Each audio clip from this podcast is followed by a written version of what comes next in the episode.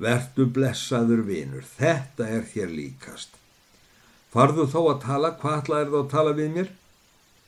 Og það er nú sitt að hverju. Ég ætlaði nú fyrst að segja þér ferðasöguna mín og hún er ekki falleg. Ég lagði á stað með peningana til þín og, já peningana þín, kondu með þá strax. Býtu við, segi ég ennþá. Til að stitta mér leið fór ég fjöll og helt áfram bæði dag og nótt. Því að satt að segja var ég hrættur um að þér væri farið að leiðast eftir peningunum þóttu mætti nú vita þeir voru á vísum stað. Í einum stað lagði ég mig fyrir og sopnaði og sopnaði fast því ég var orðin bæði sifjaður og lúin og vaknaði við það að til mér voru konir fjórir útilegumenn. Útilegumenn. Já, reglulegir og það ekki frínilegir. Þeir voru í kringum með eins og hrafnar um hræ. Mér var því fyrst og hálf byllt við, en ég er þó ekki sérlega huglaus. Nú, hvað vil ég þið hér fantar, spyr ég. Við ætluðum að vita hvort þú hefðir ekki skildinga. Ég hef enga skildinga. Já, það er best að vita, sagði einn og flög á mig með það sama, en ég bylti honum strax niður. Þá komu þeir allir eins og glefsandi vargar utan í mig og ég þeirri svipan náði eitt peningunum af mér, því ég hafði nóg að gjöra við að verja mig. Ég gatt um síðir, okkar á milli sagt að drepið tvo. Hinnir tveir flúðu þá, tóku sinn hesting fór og riðu burt með peningana þína en ég var orðin svo lerkaður að ég gat ekki alltaf.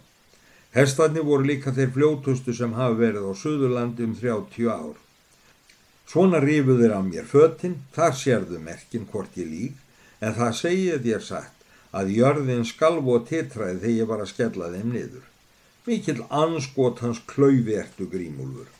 Er ég klaufi að verja mig svona vel? Ég, ég vil hafa peningana. Nú hvernig á ég láta þig hafa þá?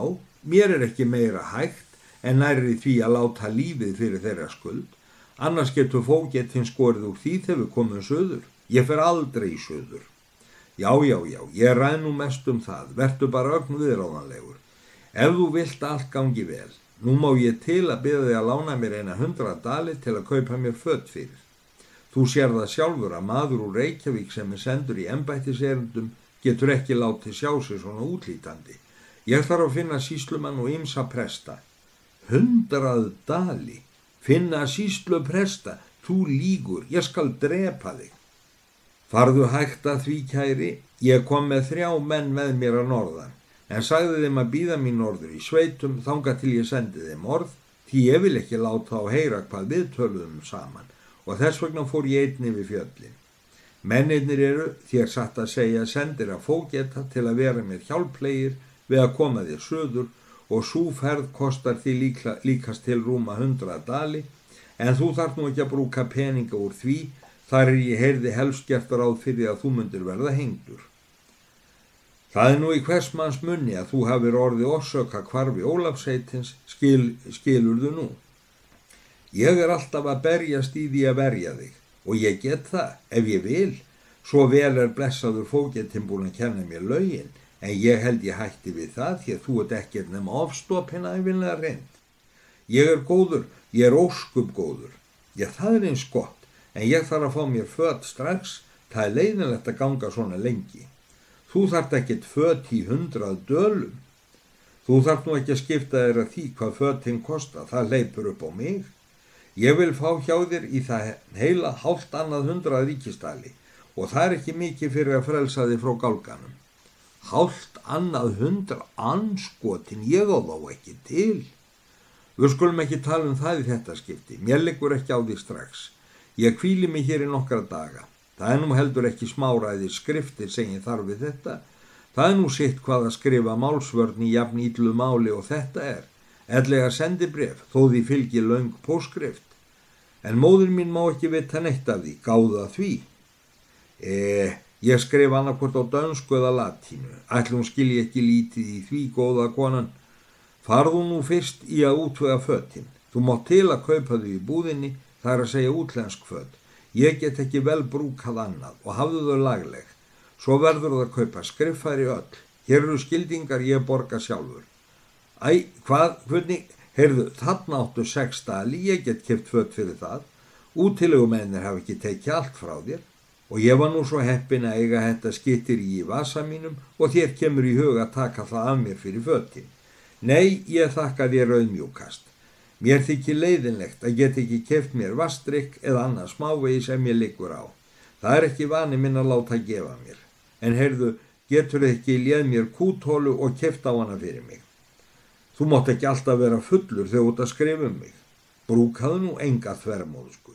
Ég er ekki lengi að senda eftir mönnunu norður og einhverlega léri mér reypi. Ó nei, ég fer með kútin. Gjörðu nú svo vel og ljáðu mér fött á meðan, skárið en þessa útilegu manna leifar. Vigfús, ertu hér inni? Hvern fjandan ert að gera? Ég er allstaðar leitt eftir þér. Hanna ljúkt upp strax, ég þarf að tala við þig. Hver er þetta svona argur og orðýllur, spurði Grímúlfur. Það er hún móðir mín. Láttu nú ekki svona kellingar. Hérna, hvað áttu hér viltu, viltu, og hvað viltu gjöra hingað?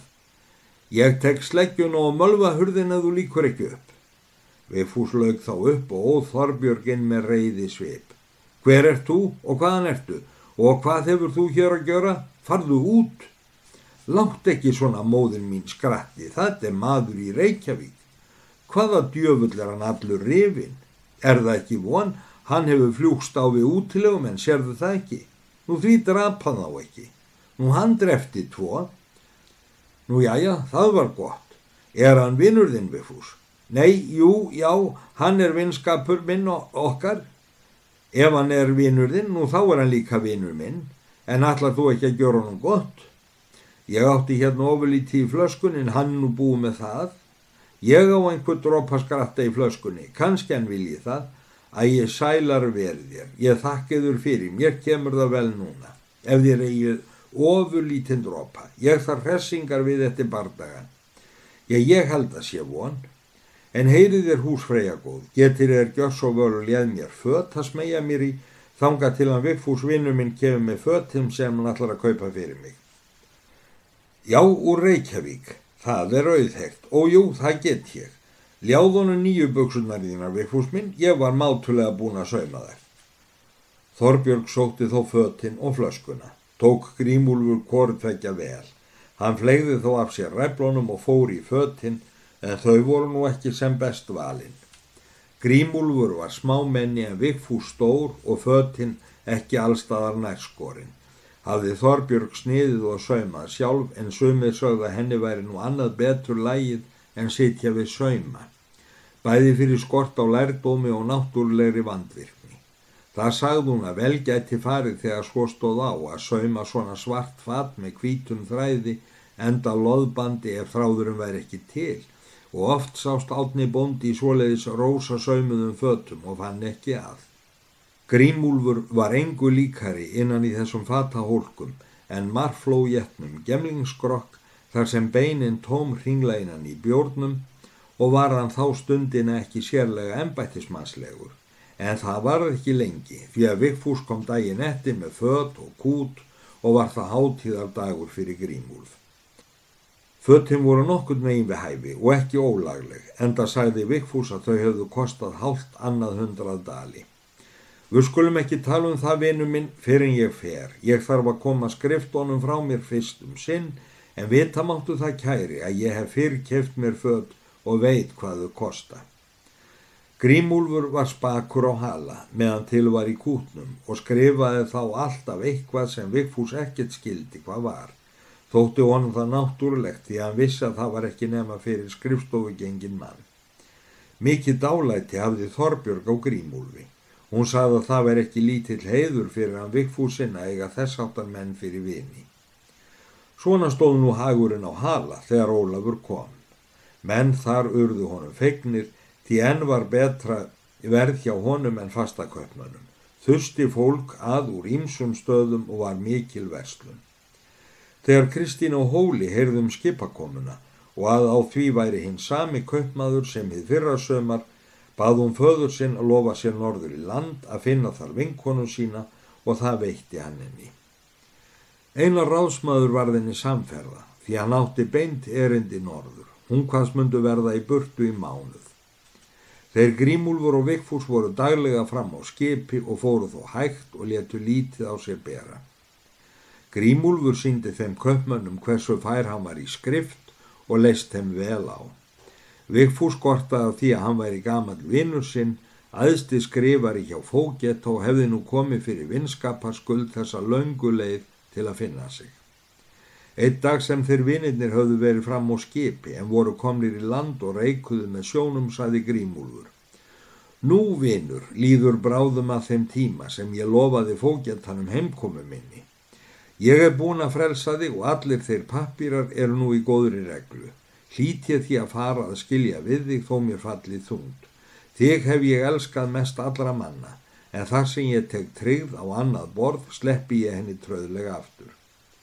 Ég ætlaði nú að minnast á við þig þetta lítilræði sem þú lofaði mér fyrir ferðina, það er hálft annað hundrað dalir og er mér kærast að fá það sem mest í skildingum. Þó ef þú getur látið mig fór hest og reyðtíð þá skal ég taka það upp í eina tuttugu dali. Hvað Því ég skil ekki, ertu vittlaus, allarðu. Ég vil fá þessa hálft annað hundra dali fyrir það að ég forðaði þér fyrir hengingu á gálga, skilurðu það nú? Grímúlfur, ertu, hefur þið ekki fötinn bölvaður? Fötinn? Líklega ætlaði þú þér þó ekki að selja mér þau, það er ekki ríkistals virði allt saman. Þegar ég kem til Reykjavíkur þá flegi ég þeim í fórina. Ég get ekki látið sjá mig í þeim þar, þó ég mætti til að brúka þau hér, af því ekki var á betra völ. Þá er það ekki búningur handa fógeta þjenara. Þar fyrir auðvitað var það þín vegna að föttim voru rifin að mér. Ég fór fjöllin til þess að sem minnst skildi bera á ferðminni áður ég fyndi þig og allt launar þú þetta með vannþaklæti og húskaskap. Þú ertu hundvittlaus, fötinn kostuðu hundrað hálft annað dali, þú lígur því þú færð engan pening hjá mér, það er frá sveimir. Já þá er best að velja þér ögn en þá, fyrst þú vilt hafa það svona. Þú sagðist þú er búin að klára öllu og senda burt, þú getur ekki veljað mig. Æ, hægt held ég að sé nú að snúa öllu við en þá, en þess þarf ekki, ég hef kannski annar ráð við þig.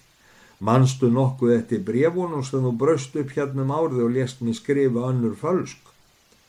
Ekki braust ég þau upp, þú gjörðir það. Vertu nú ekki að neinu bulli. Ætli mér væri ekki sama þó Ólaf rætti Kristínu sem ég hafði aldrei heyrt niður séð. Það má nærri geta, en þú myndi enþá vera vittlaus eins og þú varst að hugsa ég hefði brent brefin. Nei, vinur, svo heimskur er grímúlfur ekki. Þau eru með í ferðinni Sér að Bjarni og Jón á Hóli hafa kannski gaman að því að sjá þau. Það er ekki álitið aldili saklust gaman að brjóta upp annara manna bref.